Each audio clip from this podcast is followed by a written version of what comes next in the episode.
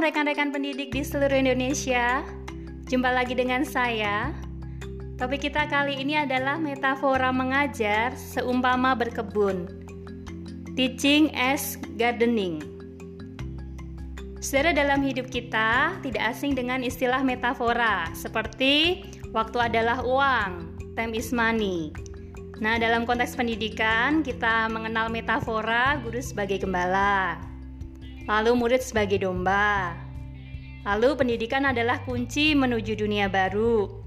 Sekolah adalah vaksin untuk ketidaktahuan. Pendidikan adalah tiket menuju kemakmuran. Pendidikan adalah jembatan masa sekarang dan masa depan. Begitu banyak metafora yang dipakai dalam dunia pendidikan. Saya teringat sebuah film Daddy Daycare di mana ada seorang kepala sekolah menggambarkan murid seperti tanaman atau tumbuhan liar. Sehingga anak-anak ini tidak tahu apa yang mereka inginkan.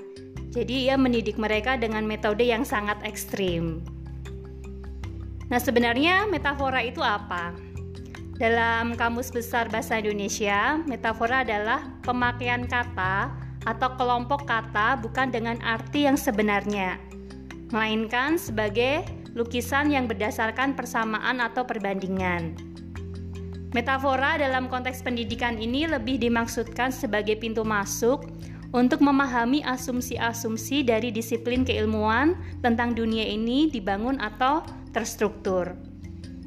Bagaimana dengan metafora mengajar? Metafora yang mendominasi saat ini adalah melihat pikiran manusia seperti komputer dan belajar sebagai proses memberi informasi.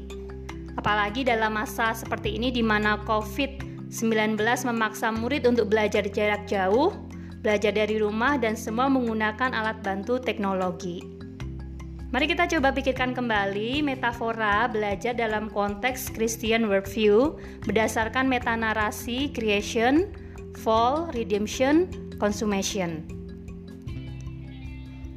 Kita akan belajar metafora belajar dari seorang yang bernama John Amos Comenius. Garden of Delight. John Amos Comenius dikenal dengan Bapak Pendidikan Modern, seorang pendeta dari Moravia, Ceko, pada pertengahan abad ke-17. Dalam bukunya Great Didactic berkata demikian, Allah menciptakan manusia dari debu, menempatkannya di taman Firdaus yang mengagumkan, di mana begitu banyak tumbuh-tumbuhan, tanaman yang ada di timur, bukan hanya manusia yang memelihara semua itu, melainkan ia harus menjadi kebun kesukaan bagi Tuhan. Dalam kejadian 2 ayat 15, Tuhan Allah mengambil manusia itu dan menempatkannya dalam Taman Eden untuk mengusahakan dan memelihara taman itu. Garden of Delight atau kebun kesukaan itu jelas merujuk kepada Taman Eden. Eden dalam bahasa Ibrani artinya delight dan frase Garden of Eden itu dapat diterjemahkan juga Garden of Delight di mana ada persekutuan, fellowship antara Allah dan manusia, ada keindahan, ucapan syukur, kelimpahan berkat Tuhan dan sukacita. Taman Firdaus adalah tempat paling menyenangkan yang ada di dunia. Di sanalah tempat segala kesempurnaan. Setiap pohon di sana menjadi kesukaan, begitu indah dan menawan, memberikan kesenangan dan kegembiraan bagi dunia. Segala materi, bentuk, variasi semua ada di sana. Manusia membutuhkan keterampilan dan hikmat dalam mengelola dunia milik Allah.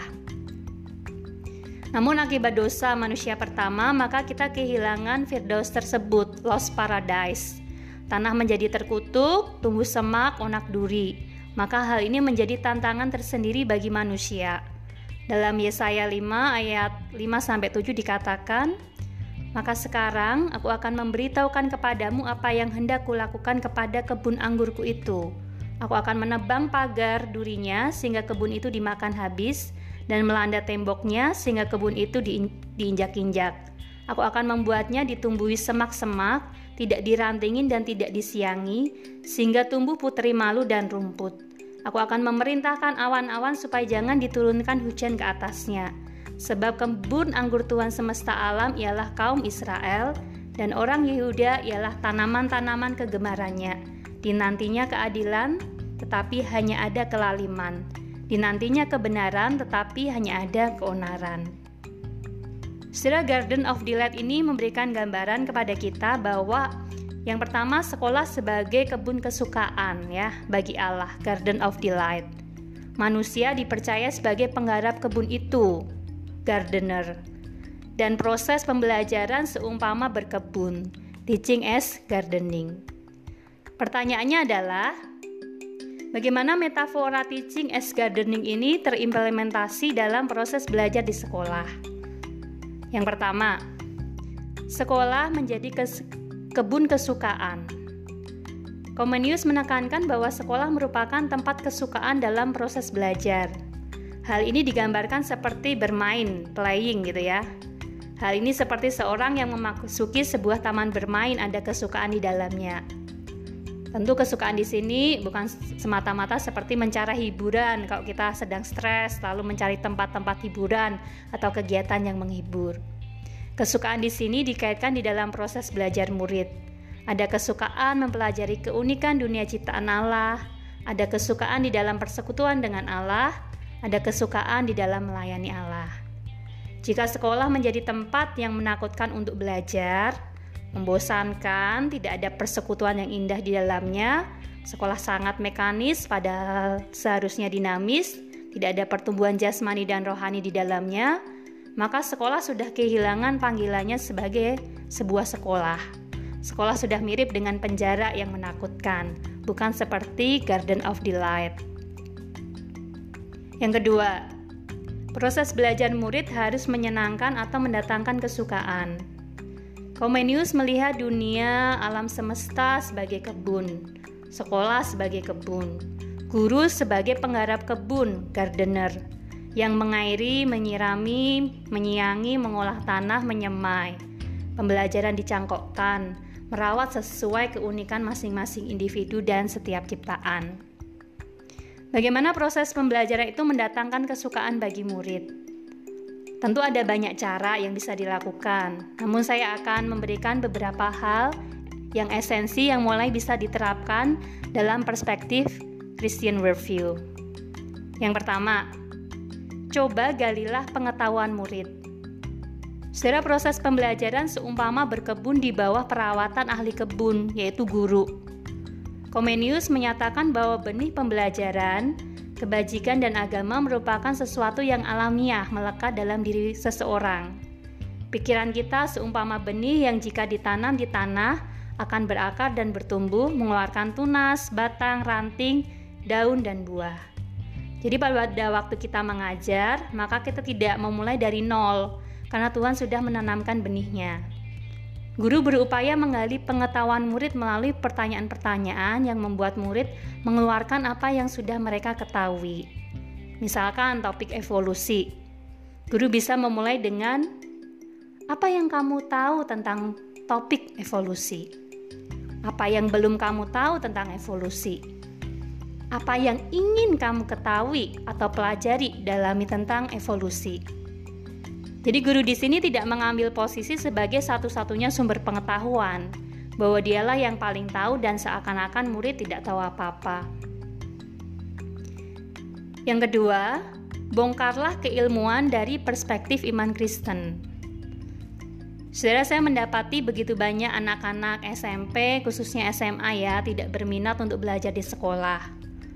Salah satu dari sekian banyak uh, keluhan mereka selain metode mengajar guru yang sangat monoton adalah ketidakcakapan seorang guru dalam menjawab pertanyaan mereka tentang berbagai macam topik mulai dari evolusi, aborsi, etika, moral dari perspektif Alkitab. Guru hanya ya pokoknya percaya saja apa yang ditulis Alkitab. Kamu kualat loh kalau tidak percaya Alkitab. Alkitab tidak bicara evolusi, jadi evolusi sesat dan sebagainya. Jawaban-jawaban seperti ini acap kali membuat anak-anak kita apatis dalam belajar, bahkan mereka memilih menjadi skeptis, ya, agnostik, bahkan mungkin ateis ya, karena merasa kekristenan tidak rasional. Ilmu pengetahuan lebih rasional dalam menjawab berbagai macam hal. Ini merupakan tantangan tersendiri bagi kita sebagai seorang pendidik untuk terus memperlengkapi diri dalam menghubungkan antara keilmuan, sains dengan perspektif iman Kristen.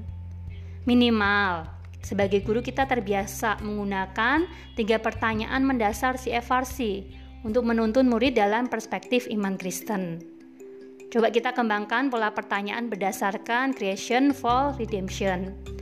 Seputar creation kita bisa tanyakan, dari mana segala sesuatu berasal? Adakah penciptanya? Adakah maksud atau tujuan dari si pencipta? Adakah hukum alam yang mengikutinya? Lalu dari sisi fall, kejatuhan kita bisa tanya, di mana letak salahnya? Di mana unsur dosanya? Adakah cacat, kesalahan atau kekurangan terhadap sebuah klaim ilmiah? Di mana unsur salahnya? Dari perspektif penebusan, redemption, kita bisa tanya, bagaimana kita menempatkan segala sesuatu seperti yang mula-mula menjadi tujuan dari penciptanya? Bagaimana sifat sebuah klaim ilmiah, statis atau progresif? Bagaimana kita mengembalikan arah dalam tanda kutip pemikiran kembali ke maksud asali Allah? Saya pertanyaan-pertanyaan lain yang dapat dikembangkan sebagai berikut juga. Dari manakah pengetahuan itu berasal? Makhluk apa yang bisa memiliki pengetahuan? Siapakah itu manusia?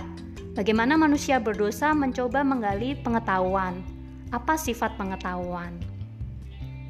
Saudara yang pasti itu adalah dua hal yang coba kita bisa terapkan di dalam proses pembelajaran menjadi kesukaan bagi anak. Nah, di sini kita juga bersyukur bahwa berkembangnya pendidikan modern ternyata juga berasal dari prinsip kekristenan. Ya, tadi dari uh, John Amos Comenius, seorang pendeta dari Moravia, menggali dari prinsip Alkitab. Ia tidak mencari di mana-mana. Di sana ia melakukan reformasi pendidikan di zamannya, menghasilkan buku-buku yang terstruktur, dinamis dan menyenangkan, bahkan menjadi dasar dan masih terus dipakai hingga sekarang dan karya-karyanya ini mempengaruhi perubahan pendidikan di abad 17, bahkan menjadi cikal bakal perubahan pendidikan modern. Konsep pembelajaran yang menyenangkan banyak dikembangkan tokoh-tokoh lain. Namun sayangnya mereka melepaskan rootnya, melepaskan akarnya, mengabaikan peran Allah di dalamnya, membuang Allah di dalamnya, padahal core dari delight atau kesukaan dalam belajar adalah kesukaan di dalam persekutuan dengan Allah yang adalah pemilik, pencipta, penebus, dan pemelihara hidupnya. Jadi sebenarnya perkembangan pendidikan modern ini banyak berhutang dengan kekristenan. Saudara, mari kita sebagai pendidik yang memiliki kelimpahan di dalam terang firman Tuhan, kita mulai kembali kepada prinsip Alkitab dan menemukan banyak hikmat dan pengetahuan yang akan menuntun arah kita mengembangkan pendidikan menjadi kebun kesukaan bagi Allah. Terima kasih, Tuhan Yesus memberkati.